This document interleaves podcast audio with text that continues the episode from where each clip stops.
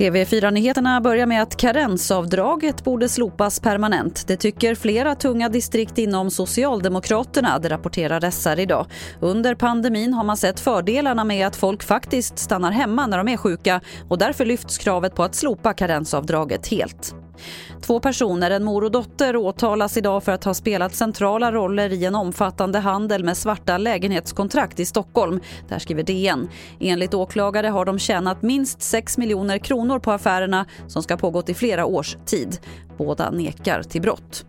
Och till sist kan vi berätta att vi återvinner som aldrig förr och förra året återvanns 72% av alla förpackningar vilket är bättre än regeringens mål. Annika Foberg Gustafsson på förpacknings och tidningsinsamlingen. Det är jättefina resultat som vi ska vara stolta över. Vi har sett nu under pandemin att eh, andelen insamlade förpackningar ökar så det är jättepositivt att vi når regeringens mål på totalen. Och allra bäst är vi på att återvinna glas, stål och aluminium medan vi har en bit kvar när det gäller papper och plast. Det var det senaste från TV4 Nyheterna. Jag heter Lotta Wall.